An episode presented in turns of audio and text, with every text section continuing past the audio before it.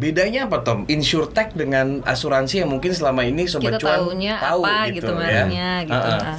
tujuannya kita untuk mengembangkan produk-produk baru ini sebenarnya lebih lebih edukasi. Makanya kita buatin produknya itu sangat simple sekali, harganya terjangkau. Asuransi ya nanti kalau nggak gue klaim ya uang gue hilang apa, gitu. gitu. Ah. Bahwa itu risikonya itu yang kita nggak pernah tahu kan Ah, sebenarnya ah, ke depannya gitu. ya. Beli beli itunya tuh beli apa ya? Ketenangan jiwa.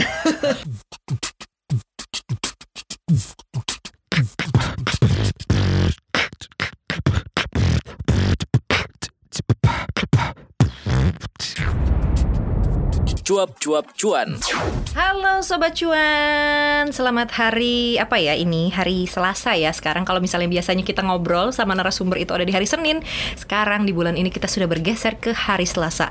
Ada Alin, Ada punce. Nah, ada Mas Punce dan juga ada narasumber kita nih. Kita mau ngobrolin apa sih? Kita mau ngobrolin tentang eh, asuransi ya, Mas Punce ya. Ya, agak berat nih sebenarnya Mm-mm. kalau buat eh, sobat cuan ngomongin asuransi. Terlihatnya berat, tapi mungkin ya setelah mendengarkan episode ini sobat cuan jadi makin ngerti gitu. ternyata produk-produk asuransi itu banyak dan banyak yang juga nggak ribet gitu Ah, ya. ah, gitu sesimpel memilih aja ngeklik gitu kayak belanja di online Sesuai shop kebutuhan.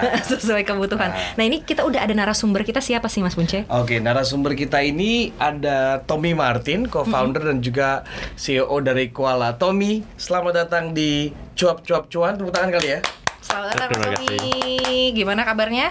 Baik, baik sekali. Baik ya, sehat ya. Sepertinya ini juga se- eh, ini ya, apa namanya? sesuai dengan bisnis asuransi juga kayaknya membaik nggak sih kalau di kondisi COVID-19 ini Harusnya apa? sih gitu ya. Banyak orang yang akhirnya Makin oh, aware. sadar gitu ya dengan eh, kebutuhan asuransi. Gimana Tom? Industrinya selama pandemi ini meningkat atau justru tetap turun sama kayak most of other industries? Hmm. Mungkin se- se- secara industri asuransinya kita melihat ada kenaikan di beberapa industri tertentu, tapi kita juga melihat penurunan di beberapa industri ter- tertentu ya. Contohnya kalau asuransi di industri penerbangan ini mengalami penurunan. Oh iya. Nah, tapi juga karena eh, demand untuk terbang itu juga lagi menurun. Tapi kalau sebaliknya kalau kita lihat di industrinya e-commerce tentunya, kita melihat penaikan yang cukup luar biasa ya.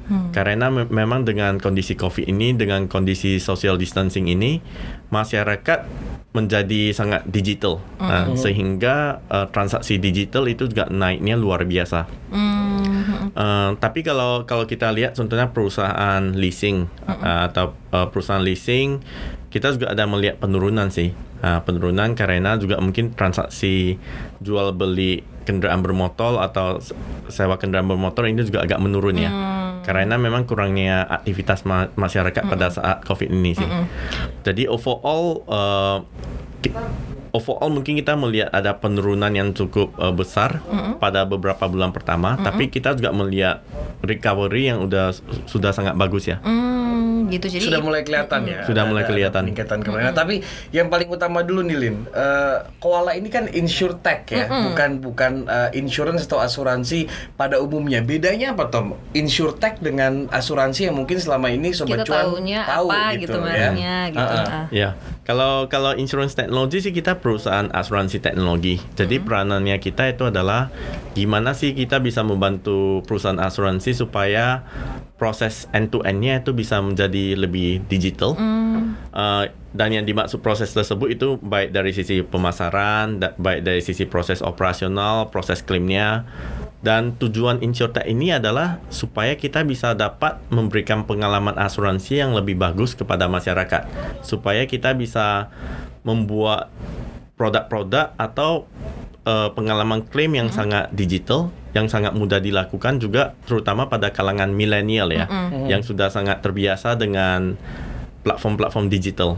Hmm, uh, bisa dibilang ini nggak sih? Ini adalah e-commerce-nya uh, asuransi gitu. Bisa dibilang nggak sim simpelnya kayak gitu, Mas Tommy? Mungkin eh, mungkin nggak sepenuhnya eh, benar. Eh, karena juga insurtech itu sebenarnya suatu sangat luas ya definisi insurance technology itu sangat luas kayak fintech contohnya. Mungkin kalau fintech hari ini kan kita banyak suatu persepsi bahwa fintech itu adalah perusahaan lending. Iya.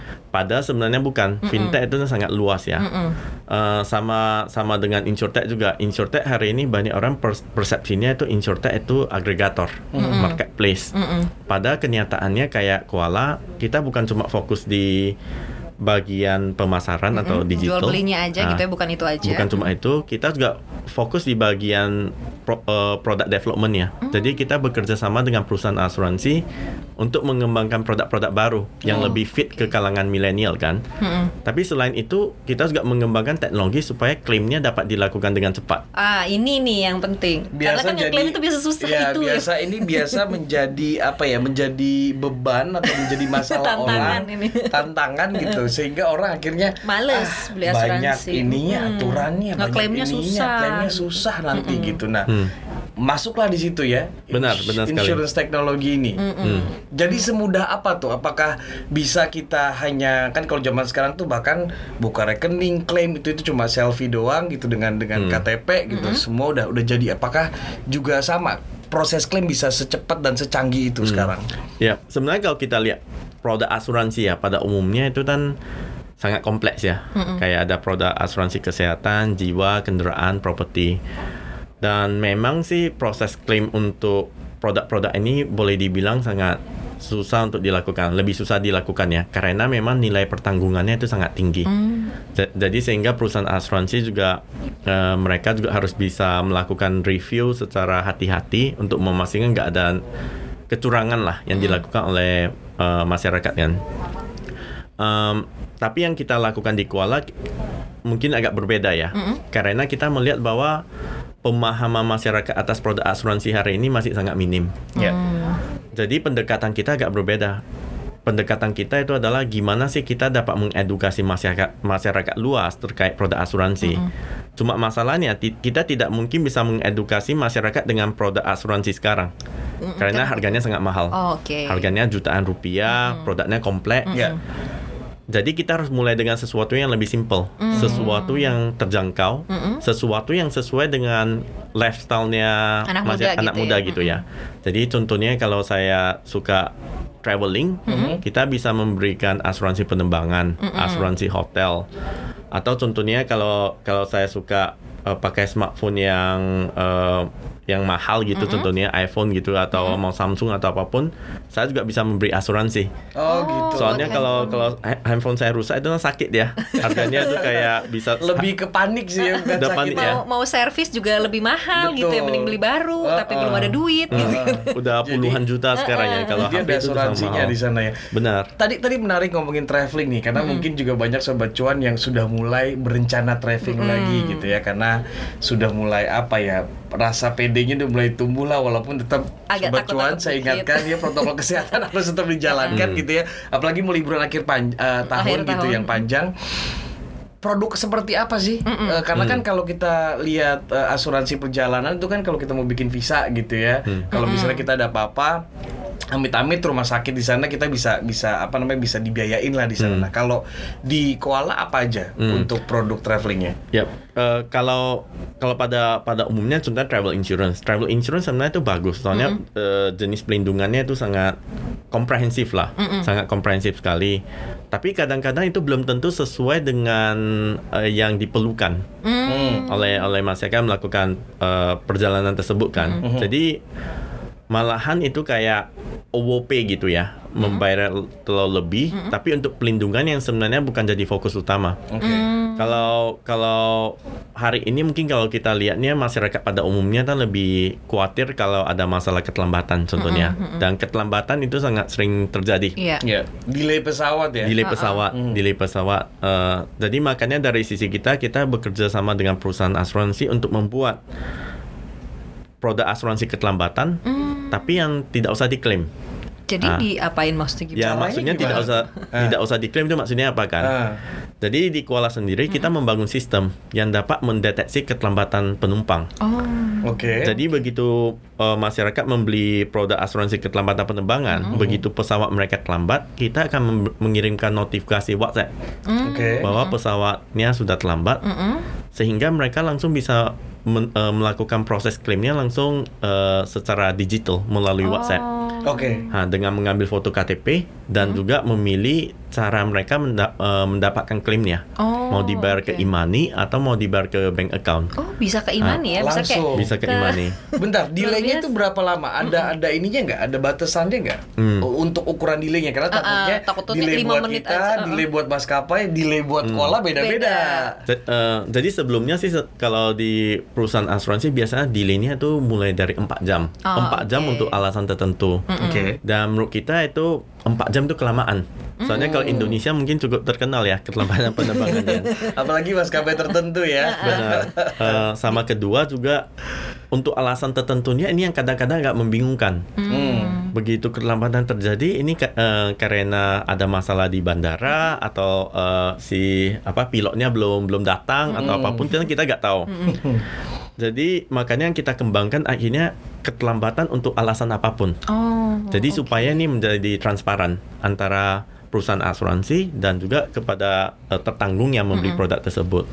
Tapi selain itu kita melihat wah 4 jam te- terlalu lama. Akhirnya kita mengembangkan produk yang mulai dari satu jam atau 75 menit. Oh, Oke. Karena kita memang melihat 60 eh, satu jam atau 75 menit ya mungkin itu masih bisa sering terjadi. Sehingga dari sisi masyarakat kita masih melihat ini produk yang cukup berguna. Oke. Terutama dengan klaim yang sangat mudah kan. Tapi itu juga salah satu PR-nya uh, Koala sebagai insurtech untuk dapat memberikan uh, uh, data atau statistik kepada perusahaan asuransi terkait kemungkinan terlambat uh, uh, kemungkinan terlambat di bawah, di atas 60 menit atau di 750 menit itu berapa besar sih. Jadi itu salah satu tugas kita untuk mengembangkan teknologi untuk memberikan informasi ini. Nah, eh, preminya berapa untuk yang eh, produk seperti itu? Kemudian juga nanti kita dapat dapat ininya eh, apa berapa klaimnya gitu berapa klaimnya. tuh? Hmm. Mulai dari berapa? Kalau kalau secara preminya sebenarnya sangat terjangkau ya. Itu kurang lebih sekitar 20.000 sampai 25.000. Jadi kalau dibanding harga tiket pesawat itu eh, cukup kecil lah ya. Iya. Tapi kalau se- secara kompensasinya eh, kalau keterlambatan contohnya satu jam itu bisa mendapat sek- sekitar 150.000. Oh, Jadi oke. itu udah udah cukup untuk eh, makan enak lah ya di bandara ya. Karena kan biasanya ya eh, apa namanya maskapai-maskapai itu kalau cuma sejam dua jam ngasihnya roti sama Iya. air minum gelas ya. Sekarang Nah, kita ini bisa dapat upgrade lah. juga. Kita bisa upgrade. kopi juga gitu makan enak ya kalau dari itu bisa dari uang klaim asuransinya Ah. gitu. Jadi dari yang sekecil itu aja juga bisa diasuransikan gitu Benar. kan ya Mas ya. Ah. Eh, lucu ya. Kalau eh, tertarik juga yang tadi asuransi hotel gitu. Hmm. Kalau asuransi hotel tuh gimana? Bukannya biasanya itu kayak antara pihak hotel dengan kita aja gitu ya gitu. Hmm, kalau kalau asuransi hotel mungkin terutama kita melihat dengan kondisi sekarang ya. Kondisi sekarang kan eh, ada banyak uncertainty juga ya. Ya. Waktu kita melakukan perjalanan tiba-tiba eh, kita mem- perlu untuk membatalkan perjalanan kita. Jadi contohnya di kasusnya hotel, kita juga memiliki produk hotel cancellation for any reason. Hmm. Any reason. Any reason, any reason, any reasonnya ini kan sangat penting kan. Maksudnya any reasonnya ini sangat penting untuk kita tekankan bahwa ini benar-benar untuk alasan apa pun. Kan? Dan dengan adanya produk ini, kita juga dapat membantu masyarakat supaya lebih confident ya untuk me- melakukan planning untuk traveling ke uh, untuk beberapa bulan ke depan. Um, jadi kalau ada ada ada suatu pembatalan itu dapat dilakukan uh, uh, dengan bekerja sama dengan uh, perusahaan asuransi dan kita. Oh, Oke. oke. Nah produk apa lagi nih? Karena banyak ya ternyata produk-produk yang yang sangat simple gitu, yang ternyata sekarang sudah ada asuransinya. Tadi ada handphone, ada kemudian delay pesawat, ada, Ada hotel, hotel, ada apa lagi nih yang yang sekarang lagi dimiliki oleh Koala? Hmm. Sebenarnya kalau, kalau dari sisi produk asuransi sendiri itu sebenarnya sangat banyak ya Eh, potensinya sangat banyak sekali. Yang kita ada hari ini contohnya ada produk kesehatan, produk jiwa. Eh, tapi mungkin eh, fokusnya kita itu produk as- ke- asuransi kesehatan jiwa dan yang ma- yang masih terjangkau ya. Karena memang fokusnya kita itu adalah edukasi. Kita mau memastikan bahwa masyarakat bisa membeli produk asuransi ini bisa mencoba dan juga bisa merasakan manfaat dari produk asuransi tersebut dengan mudah. Nah, ter- sorry, terjangkau tuh berapa sih? Karena kalau kita lihat dari asuransi yang umum pada umumnya gitu, itu kan bisa di atas lima ratus ribu iya. ya, preminya per bulan gitu. Nah, terjangkaunya di Koala tuh berapa? Contohnya, contohnya kita ada bekerja sama untuk dengan perusahaan asuransi untuk membuat pelindungan layar smartphone untuk dua minggu itu seharga seribu rupiah. Hmm, Seribu gitu. rupiah. Ah, seribu rupiah. Jadi beli dulu asuransinya, Nah, jatuh handphonenya. handphone. Untuk dua minggu ya. Benar. Uh, Alin nih biasanya jatuhin handphone nih. Beli Lin asuransinya Lin sekarang. Lumayan ya dua minggu diasuransikan gitu. Abis itu ini lagi diperpanjang lagi, perpanjang lagi itu bisa kan ya mas? Hmm. Benar, eh, soalnya kita juga sesuaikan sih. Kita sesuaikan waktu itu pemasaran produk ini kita melalui top up pulsa. Jadi pas waktu orang top up pulsa, mereka bisa memberikan op- mendapatkan opsi untuk membeli pelindungannya selama dua minggu. Dan kebanyakan dari kita itu top up pulsa setiap dua minggu. Mm-mm. Mm, jadi sekalian. Nah, jadi sekalian tiap kali top up pulsa kita bisa dapat pelindungan dua minggu lagi. Tapi harganya jadi ter- terjangkau. Mm-mm. Mm-mm. Dibanding saya bayar satu tahun dan habis itu saya lupa. Oke. Lebih bagus saya belinya tiap dua minggu. Nah, nah, biasanya yang jadi jadi burden nih, jadi Tantangan atau kesulitannya Tan- ya, gitu tantangan ya. atau kesulitan pada saat uh, orang Indonesia itu mau mengambil sebuah produk asuransi itu kan polisi itu kan yang tebel, berlembar-lembar gitu dan kecil-kecil hurufnya kita baca satu-satu. Nah kalau ini seperti apa? Hmm. Karena kan dari seribu perak tuh tadi preminya Udah gitu. bisa gitu. Ya, jadi memang dari sisi kita kita melihat bahwa uh, produk asuransi itu kalau kalau kita mau mengedukasikan kepada masyarakat luas itu harus simpel bentuknya. Hmm. Jadi tidak boleh kompleks. Mm-mm. Jujur aja produk asuransi ini tidak akan merubah kehidupan seseorang. Contohnya kalau pesawat saya terlambat, saya mendapatkan kompensasi itu bukan berarti tiba-tiba kehidupan saya berubah. Iya. Atau contohnya kalau uh, tiba-tiba saya tidak berhalangan untuk traveling, itu juga tidak akan berubah hidup saya. Kecuali lagi mau ket- ketemu calon mertua ya, atau lagi lagi ada interview atau apa pun gitu ya. Tapi kemungkinan besar itu tidak akan meru- merubah hidup uh, orang tersebut. Beda sangat beda ceritanya kalau tentunya mereka uh, ada masalah kesehatan jiwa atau kendaraan atau motornya itu um, ada total loss gitu ya itu bisa sangat memberikan suatu financial shock yang agak susah untuk bisa kita recover. Ter- terutama pada untuk masyarakat pada umumnya. Makanya dari sisi kita tujuannya kita untuk mengembangkan produk-produk baru ini sebenarnya lebih lebih edukasi. Makanya kita buatin produknya itu sangat simple sekali. Harganya terjangkau.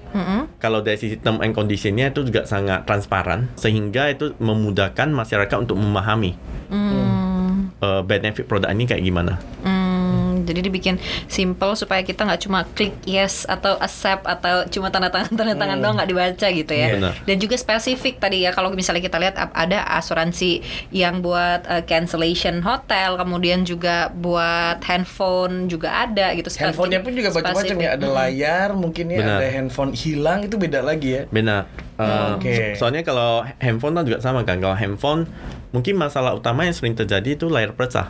Hmm, hmm, hmm. Mungkin saya lebih saya kurang peduli kalau oh HP saya rusak total. kan. Mungkin seumur hidup saya udah pernah banyak HP gitu ya, tapi nggak pernah ada HP yang rusak total. Tapi kalau HP yang lainnya retak, itu Itu sering, sering. sekali, hampir semuanya. Uh, Masuk handphone saya sekarang. Lagi retak. Jadi secara otomatis, wah mungkin kalau di kasus saya saya lebih peduli layar retak. Kenapa saya tidak membeli asuransi layar retak aja yang harganya lebih murah? Oke, jadi bisa disimpulin disimpulin gini nggak sih Tom kalau misalnya si InsurTech ini itu memberikan produk-produk yang justru lebih spesifik ketimbang asuransi pada umumnya gitu. Karena kalau asuransi pada umumnya tadi traveling ada 22 benefit gitu. Tapi kalau untuk InsurTech ini bahkan ya delaynya aja ada, hotelnya aja ada, ininya aja ada gitu ya. Benar sekali. Oke. Hmm, gitu. Jadi kita ini ya ibaratnya kita hanya membeli apa yang kita butuh atau apa yang kita mau nih sobat cuan gitu. Jadinya Yeah. juga dan itu juga terukur jadinya ya. Mungkin Yeah. kalau misalnya benefitnya banyak jadinya lebih banyak juga biaya yang kita keluarkan. Padahal ada poin-poin mungkin yang kita tidak butuhkan gitu. Yeah. Kalau ini jadinya ibaratnya kita bisa pilih sendiri dan Sesuai harganya juga kebutuhan. sesuai gitu dengan kebutuhan kita. Dan dan hal ini sebenarnya tidak dapat dilakukan tanpa teknologi. Hmm, Soalnya kalau kalau kita melihat perusahaan asuransi hari ini distribusinya kan offline ya. Jadi itu biayanya sangat mahal. Jenis produk asuransi yang harus dijual itu makanya mahal. Ya. Dengan teknologi kita dapat memasarkan produk-produk yang murah. Karena memang secara proses pemasarannya udah digital. Jadi nggak perlu agen ya, karena kan Benar biasanya sekali. agen Jadi- asuransi itu jadi frontlinernya tuh buat industri asuransi gitu ya. Hmm. operational costnya lebih efektif gitu ya Mm-mm. sehingga memang eh, jadinya harganya bisa lebih murah gitu buat Iya. sobat cuan gitu. Nah, tapi jenis produknya berbeda ya. Kalau agen biasanya tuh produk asuransi yang lebih eh, kompleks. Ya. Nah, Yang kalau lebih whole digital- tuh paketnya ya. Benar. Ah. Digital itu lebih simple, tujuannya edukasi. Mm-mm. Ah, Tapi yang kompleks gitu juga ada kan yang dari misalnya katakanlah provider eh, asuransi yang besar gitu, asuransi jiwa, kesehatan gitu ada juga di Koala kita bisa ada pilih juga dan beli ada itu. juga eh, cuma dari sisi kita mungkin kalau tujuan utama kita edukasi itu sangat susah untuk kita menawarkan produk asuransi yang mahal. Hmm, oke. Eh, soalnya masyarakat hari ini kan mereka melihat bahwa wah ini proses klaimnya nanti ribet. Buat apa saya beli asuransi kan? Iya. Jadi kita harus bisa membangun trustnya, kita harus bisa bangun edukasinya. Caranya gimana? Kita jualan produk affordable, klaimnya simple, dan produknya bervariasi sehingga dalam satu tahun semoga mereka bisa mengajukan klaim beberapa kali dalam setahun. Pesawatnya terlambat contohnya tiga kali dalam setahun.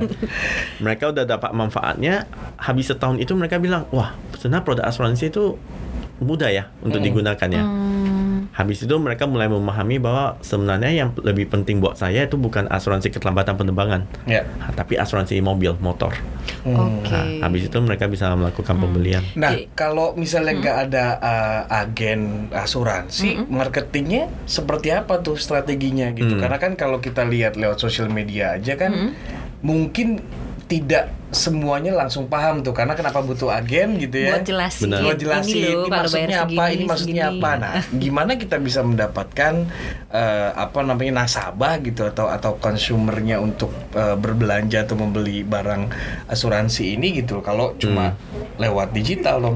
Benar. Benar. Jadi insurtech sebenarnya insurtech itu tidak dapat berkembang sendiri um, tanpa adanya kolaborasi dengan platform digital lainnya. Nah, dan itu juga alasannya kalau kita lihat di negara-negara lain gitu ya. Semuanya mungkin dimulai dengan adanya e-commerce, online travel agent, baru habis itu masuk ke fintech, habis itu masuk ke insurtech.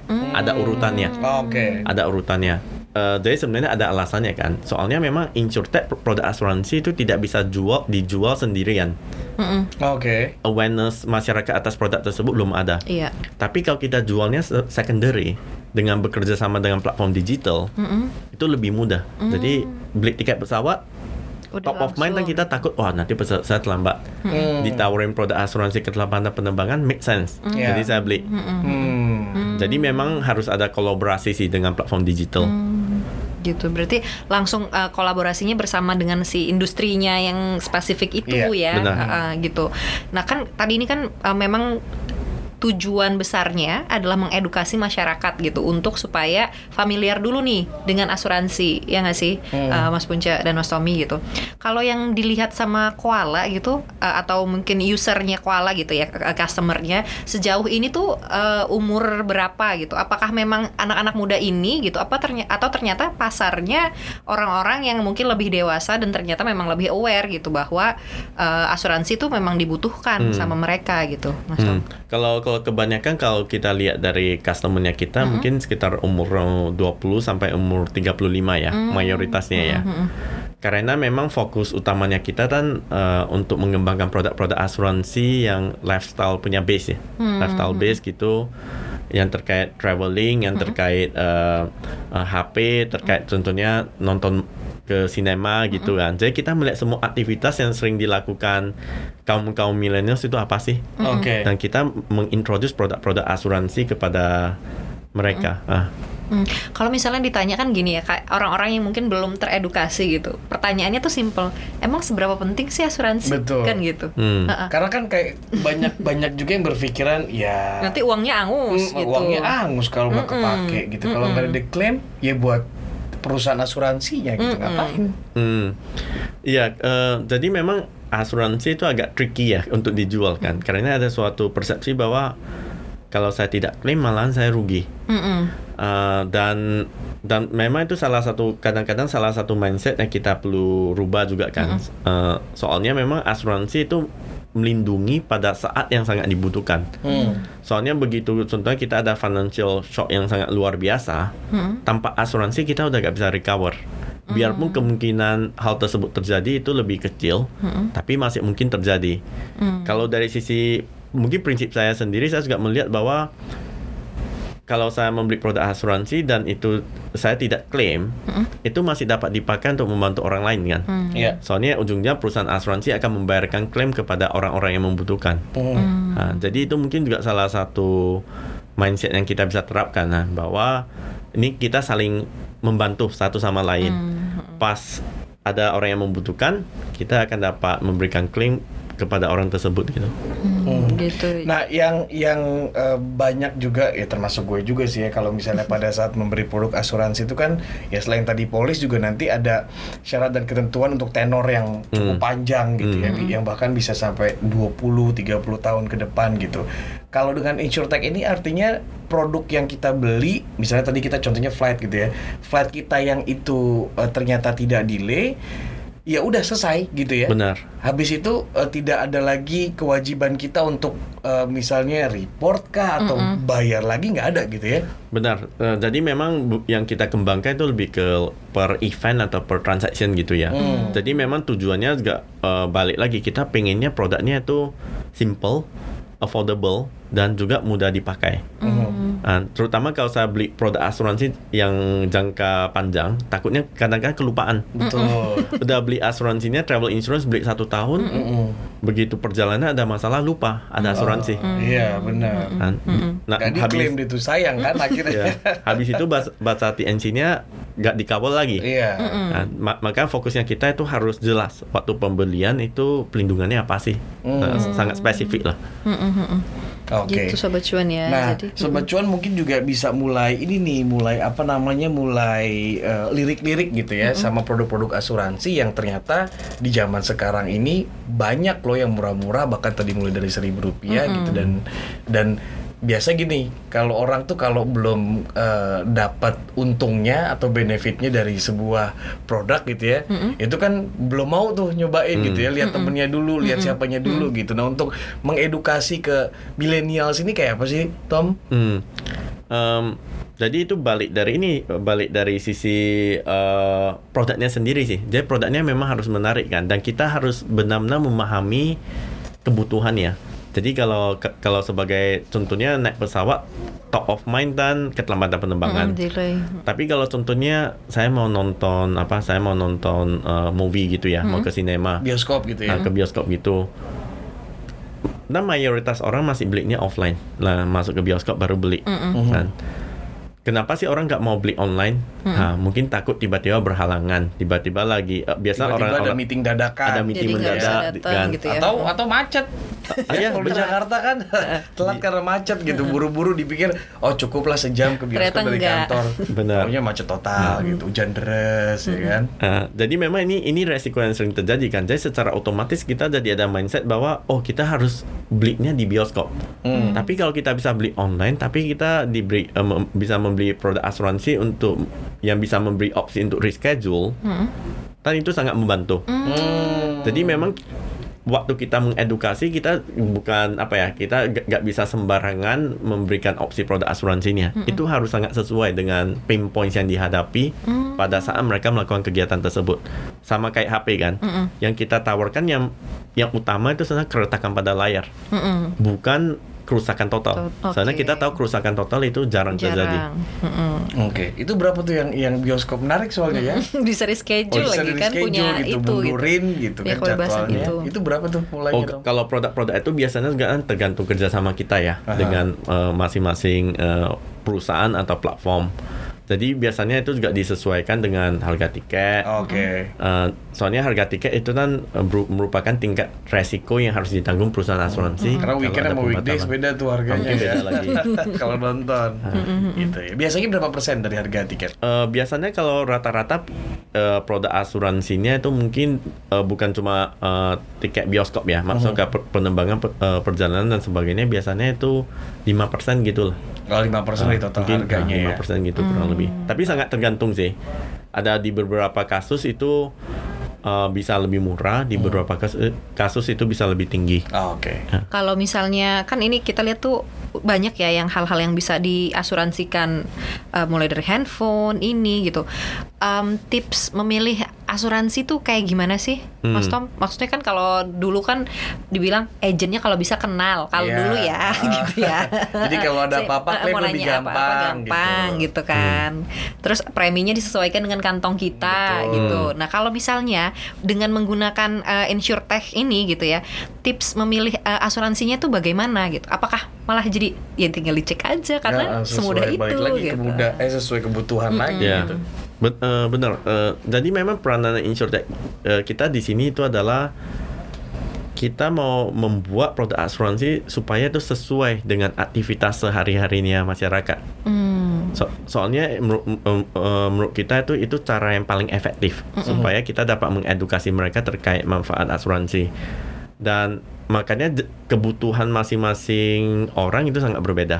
Ada yang suka traveling, ada yang suka online shopping, ad- eh, ada yang mungkin suka melakukan investment. Eh, jadi itu sangat berbeda sekali. Makanya produk asuransi kita itu juga sangat bervariasi. Se- Dapat disesuaikan dengan kebutuhan masing-masing sih.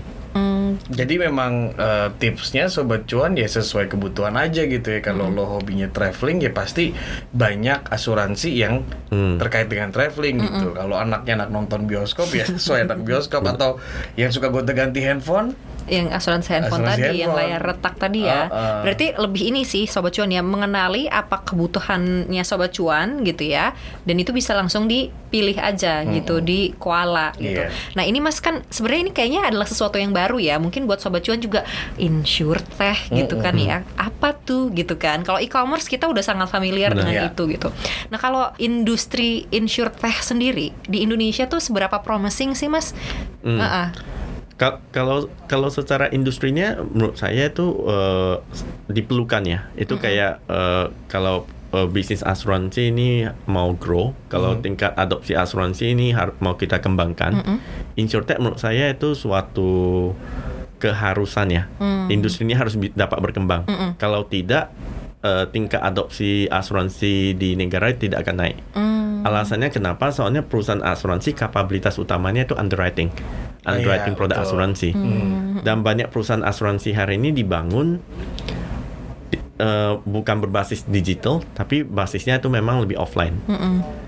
Eh, sehingga kapabilitas utama yang diperlukan itu tidak dapat eh, kapabilitas digital itu tersebut tidak dapat dibangun dengan mudah. Oh, Makanya ini ada peranan insurtech yang di mana kita dapat membantu untuk membangun kapabilitas ini sih. Jadi memang akhirnya nanti produk-produknya itu yang yang Koala punya ini mostly kerjasama dengan perusahaan asuransi yang sudah ada dibandingin mereka membuat perusahaan insurtech sendiri gitu mendingan Hmm. join aja di sini gitu. Jadi goalnya dari Koala sebenarnya ke sana gitu ya. Benar. Oke. Eh, jadi memang ini kan era kolaborasi ya, dan kita juga melihat gimana kita bisa empower perusahaan asuransi supaya mereka dapat menjangkau eh, segmen konsumen yang udah yang makin milenial gitu ya, yang makin banyak di kaum milenial ini, dan kebutuhannya juga sangat berbeda. Kan? Dan, dan mungkin dalam beberapa tahun ke depan lagi teknologi perkembangannya sangat cepat. Ya. Jadi eh, secara otomatis mungkin perusahaan insurtech atau perusahaan teknologi kayak kami ini kita dapat bergerak lebih cepat dibanding perusahaan asuransi dengan adanya perubahan-perubahan di teknologi tersebut. Oke. Karena dengan teknologi itu ya memudahkan juga. Ini juga memudahkan akses kita ya sobat cuan ya. Kalau misalnya kita mau beli asuransi gitu dan juga ini jadi memudahkan di uh, pemain industri asuransinya sendiri gitu untuk memasarkan industrinya ke kita gitu. Iya. Dan ada ada syaratnya nggak sih kalau misalnya kita mau membeli produk asuransi kan kalau asuransi yang uh, konvensional gitu kan banyak tuh syarat dan ketentuannya balik lagi ya disesuaikan sama kantong lah, harus kenal lah, harus ini harus ini. Nah, kalau ini ada nggak batasan uh, umur mungkin? Atau misalnya batasan dari uh, jumlah produk yang dibeli mungkin kalau gue gitu mau ke luar negeri terus mau ini mau ini beli semua gitu. mungkin nggak? Eh, kalau kalau batasan sih sangat tergantung produknya ya. Ah. Jadi kalau contohnya kalau asuransi penerbangan yang diasuransikan dan sebenarnya nggak ada hubungan dengan umur seseorang. Jadi secara otomatis eh, tidak ada batasan kalau Oke. terkait umur. Mhm. Uh, mungkin kalau maskapainya atau perusahaan travel agentnya ada batasan itu hal yang lain kan. Tapi kalau contohnya kita memberi asuransi kesehatan atau jiwa yang mungkin produk asuransi kesehatan mikro gitulah, biasanya ada batasan sih. Soalnya tingkat resikonya itu bisa sangat berbeda kalau udah melampaui umur-umur tertentu gitu. Oh. Hmm, ya sama kayak asuransi konvensional Masih sama juga sih. ya biasanya ya Benar. kalau sudah umur tertentu atau kondisi Nggak bisa eh, fisik atau yang kesehatan mana, gitu. sudah ini itu udah susah tuh biasanya Benar. lebih mahal banget Nah, lebih mahal. biasanya ya. Nah, biarpun biasanya kita juga ini ya, kita juga ada eh, bekerja sama dengan perusahaan asuransi untuk melihat bahwa kalau memang channel pemasarannya digital, kemungkinan besar penggunanya itu semuanya kaum milenial. Oh, Nah, jadi secara otomatis harusnya batasan tersebut tidak diperlukan. supaya kita dapat mempermudah proses pemasaran produk tersebut daripada kita harus me- mengisi kayak oh umur umur kita berapa gitu kan jadi kita bisa buatnya lebih seamless Nah, kan tadi eh, apa preminya murah banget tuh ya. Kemudian juga ada klaimnya dari seribu rupiah tuh. Itu gue inget banget sampai sekarang. Asuransi seribu perak gitu. Nah, itu cuannya dari mana nih? Karena kita cop-cop cuan kan, Ya. gitu. Kalau lihat hitung rata-rata dari eh, polis kemudian ke klaim itu berapa persen, Tom? Karena kalau ngelihat kita cuma asuransi bayar seribu perak, Mm-mm, kayak untungnya di mana iya, ya, Lin, ya? heeh. ya sebenarnya kalau kalau produk asuransi kan em, sebenarnya produk yang melindungi pada saat suatu resiko terjadi ya. Ya. Ha, dan memang memang produk asuransi kita, kita harus bisa melihat ini se- eh, bukan sebagai produk yang bisa memberi keuntungan, tapi sebenarnya produk yang melindungi kita. Kan? Jadi secara otomatis biarpun pro- eh, harga produk asuransi tersebut lebih terjangkau, sebenarnya kenyataannya secara kompensasinya itu juga lebih terbatas. Ya, pasti. Karena memang eh, setiap kejadian itu ada resikonya. Jadi kalau harganya terjangkau itu biasanya juga pelindungannya juga lebih terbatas ya. Tapi menurut kita kita sesuaikan. Menurut kita kompensasi yang cukup untuk masyarakat itu berapa besar sih? Jadi eh, kayak kayak contohnya yang keterlambatan penerbangan tadi kita kompensasi kalau di satu jam itu 150.000 ribu. Karena kita melihat bahwa 150.000 ribu itu cukup untuk kayak ke kafe, Ngopi, makan, Untuk itu ya. Ah, Eh, sebenarnya kalau kita mau kembangkan ke contohnya 500 ribu bisa aja. Oke. Nah, tapi otomatis harga premiumnya jadi Lebih naik. lebih naik lagi ya gitu. Oh berarti masih masih untungnya masih lumayan masih cuan ya.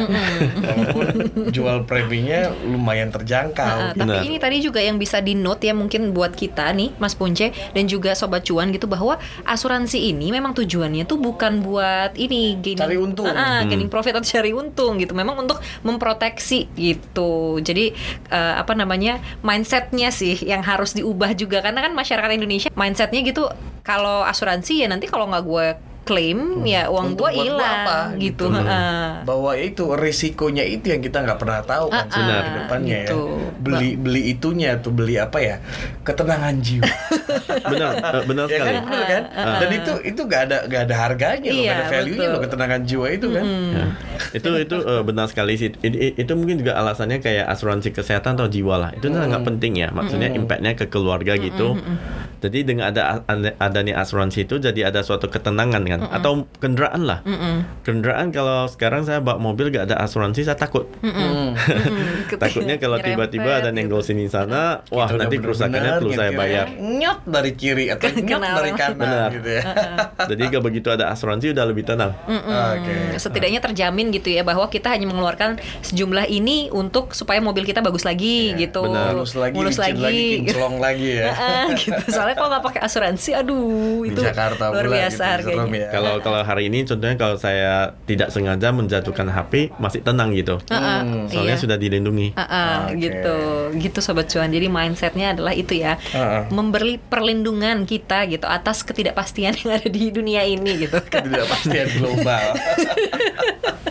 Mas Tommy, kalau ini ya eh, mungkin tips atau apa ya bisa dibilang saran lah ya ke sobat cuan gitu. Apa sih asuransi-asuransi wajib aja dulu gitu ya yang harus dimiliki sama kita gitu nih milenial milenial millennials, ini gitu. ini. Mm. Hmm.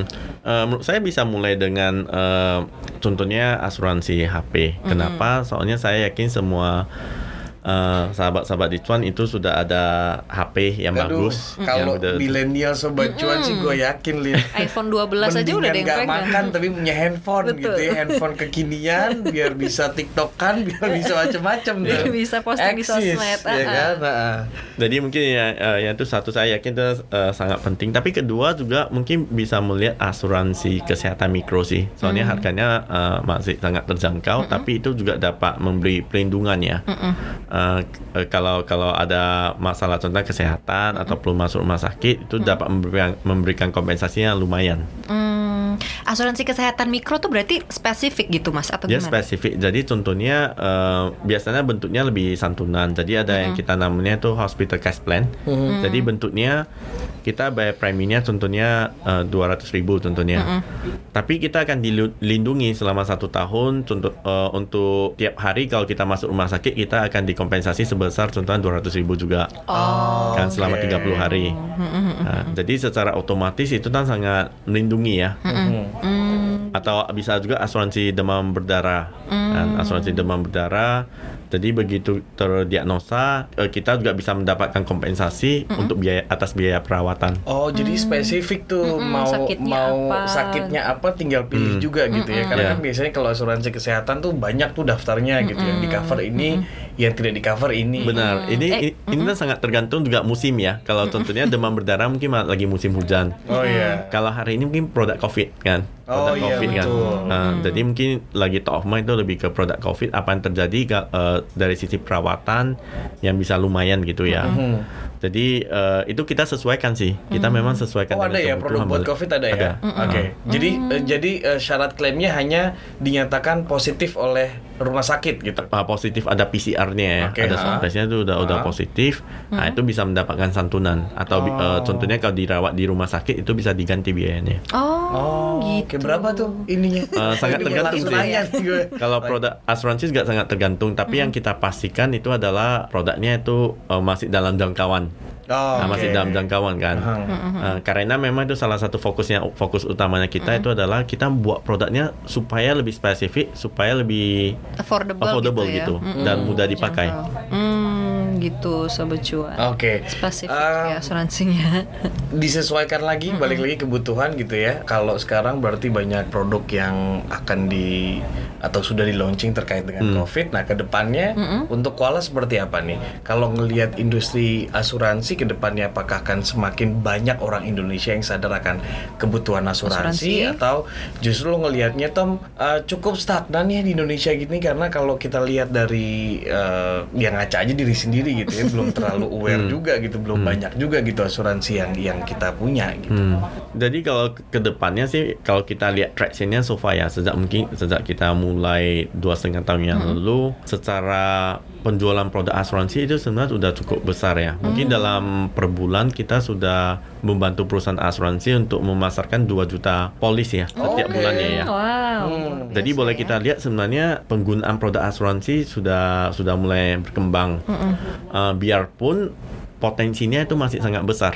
Potensinya Oke. itu sangat besar. Soalnya dalam kehidupan sehari-hari kita itu banyak resiko yang dapat diasuransikan. Hmm. Jadi yang lebih bagusnya itu adalah kalau satu orang itu dapat membeli beberapa produk asuransi ya. Hmm. Uh, da- dalam satu bulan dibanding kalau satu orang cuma beli satu produk asuransi. Jadi kita sudah melihat pengembangan tersebut. Uh, tapi kalau langkah ke depannya dari sisi kami sendiri, kami akan terus berinvestasi di teknologi ya. Oke. Teknologi supaya proses operasional, proses klaimnya bisa lebih bagus untuk sobat cuan kan. Jadi supaya proses tersebut itu dapat dilakukan dengan mudah. Hmm, gitu. Jadi aksesnya sobat cuan gitu kalau mau beli, kalau mau ngeklaim itu lebih mudah lagi. Pokoknya menggunakan teknologi gitu ya, sobat cuan ya. Nah ini mau ada langsung sekarang apa gimana? Eh, sekarang aja mungkin ya buat itu Pertanyaannya ya, sobat Buat- cuan ya, Mm. karena kan kita mau ada giveaway nih, Mas Tommy gitu. Mungkin Mas Tommy bisa apa memberikan pertanyaan, dari obrolan untuk kita uh-uh, tadi biar sobat, sobat cuan ini menjawab Mm-mm. gitu. Hmm. Mungkin eh, pertanyaannya itu adalah produk asuransi eh, mana yang paling menarik buat sobat-sobat cuan ya? Mm-mm. Dan seberapa dan seberapa mudah sih proses klaim tersebut ya? Oh gitu, sobat cuan. Jadi mungkin ini aja sobat cuan, ini ce- cerita gitu atau mention gitu apa produk asuransi gitu yang menarik buat sobat cuan gitu. Nah produk asuransinya apa? Dicek di appsnya Kuala atau di website juga bisa gitu Mm-mm. ya. Itu nanti bisa dipilih, dijawab sesuai kebutuhan. Oh, mau liburan. Jadi kayaknya yang ini yang apa pas. gitu. Tadi kita sudah sebutkan ya beberapa gitu dan masih banyak lagi gitu. Jadi intinya sih apa asuransi itu gitu ya jadinya tidak semahal gitu, tidak semahal yang kita pikirkan gitu ya dan bisa lebih spesifik mengcover kebutuhan kita Iya, gitu. itu itu kata kuncinya. Kebutuhan gitu ya. Benar. sesuai dengan kebutuhan kita Iya. gitu. Eh tapi kalau insurtech nih di Indonesia persaingannya berarti belum terlalu besar ya. That's why potensinya masih besar banget ya, Eh, Mas Tom. Sebenarnya kalau dari sisi perusahaan insurtech sudah cukup banyak ya di Indonesia ya sudah cukup banyak. Eh, cuma mungkin inovasi yang dikembangkan masing-masing perusahaan itu sangat berbeda. Karena memang ruang lingkupnya industri asuransi itu sangat besar ya. Eh, kayak produk asuransi itu dapat di dipasarkan di industri apa pun. Soalnya di semua industri itu pasti ada resiko. Iya. Dan dan semuanya juga sekarang sudah bisa diasuransikan gitu Betul. ya. Benar ya. Jadi resiko masih ada di mana-mana ya. Sekarang ya. Balik Jadi lagi. itulah gunanya Balik asuransi. lagi tuh kalau risiko di mana-mana nggak tenang jadinya. kayak kayak kayak contohnya nih, contohnya kayak selama masa Covid kan kita lebih sering melakukan video call. Iya. Kan ada resiko mati lampu atau Oke. internetnya tiba-tiba putus gitu. Jadi ada resiko-resiko ini Betul. yang yang yang se- sebenarnya bisa sangat mengganggu ya. Mengganggu. Aktivitas internet gitu. putus gitu kan, Iya. padat lagi meeting Zoom gitu. Luar biasa janjian itu ntar juga lama-lama bisa di ini ya diasuransikan ya. Semua kayaknya semua, semua bisa diasuransiin sebenarnya. Risiko mati apa asuransi mati lampu Iya. ketika Zoom meeting gitu Uh-uh. kan. Luar biasa loh itu. Sespesifik itu ya Iya. sobat cuan ya. Uh-uh. Jadi gitu. Jadi uh, semoga aja nih dengan obrolan kita ini ya uh, Mas Tommy dan Mas Punce, sobat cuan tuh jadi terbuka gitu Mhm. bahwa asuransi itu bukan buang-buang uang, Iya. tapi asuransi itu memberikan proteksi kepada kita dan kalau kata Mas Punce tadi ketenangan jiwa. Betul. Dan itu nggak ada harganya tuh, itu mahal tidak banget ada harganya. harganya tidak ternilai gitu Iya. harganya sobat cuan Mas Tommy mungkin ada terakhir gitu yang ingin disampaikan ke sobat cuan terkait dengan industri asuransi atau insurtech ini gitu supaya sobat cuan tuh makin tercerahkan gitu pikirannya Hmm, ya eh, mungkin ah, membeli asuransi itu sebenarnya hampir kayak eh, investasi juga ya. Mhm. Karena memang dengan adanya produk asuransi ini juga dapat ya memberikan eh, ketenangan, tapi juga dapat melindungi apa apabila suatu resiko itu tersebut terjadi. Jadi memang ya juga bisa kita lihat itu sebagai suatu investasi lah untuk ke depannya, terutama kalau ada ada kejadian yang terjadi yang di luar dugaan. Oh, Ya, oke. jadi mungkin eh, sama kayak investasi, asuransi mungkin lebih bagusnya dimulai dari awal, kan. tapi juga disesuaikan dengan kebutuhan masing-masing. Oke, sobat cuan langsung cek ya. Mm-mm, koala ya. Koala, Ha-ha. download appsnya gitu, langsung pilih-pilih sesuai kebutuhan. betul karena sekarang juga asuransi kalau kita belanja e-commerce aja kan ada asuransinya juga tuh Iya. gitu kan Kita semua naik, Mm-mm. kita naik ojol Mm, ada, ada asuransinya. asuransinya, Kita ngirim gitu. barang dan lewat ojol ada Nah, asuransinya. gitu. Nah kalau masih mau lihat gitu ya Sobat Cuan mau lagi discover gitu apa aja sih emang yang bisa diasuransiin gitu ya Hmm. cek aja langsung ke appsnya Koala Karena gitu itu juga atau bisa jadi jawaban untuk giveaway kita. Betul. Nah, gitu deh Sobat Cuan ya Yap. Itu aja untuk uh, episode kali ini Ya. Terima kasih Mas Punce Sudah Sama-sama. menemani saya Terima kasih Mas Tommy Terima Udah hadir juga. gitu ya di sini Semoga aja Sobat Cuan juga makin tenang jiwa raga Makin Penting tuh ya sekarang. ma- makin jiwa. cuan dan juga tahu ya kira-kira apa sih asuransi yang dibutuhkan karena pilih-pilih asuransi ini gitu kita juga harus mengenali kebutuhan dan diri sendiri itu bagaimana kondisinya gitu sobat cuan itu aja kalian pamit Punce pamit. Tommy pamit. iya dah sobat cuan Bye. Bye.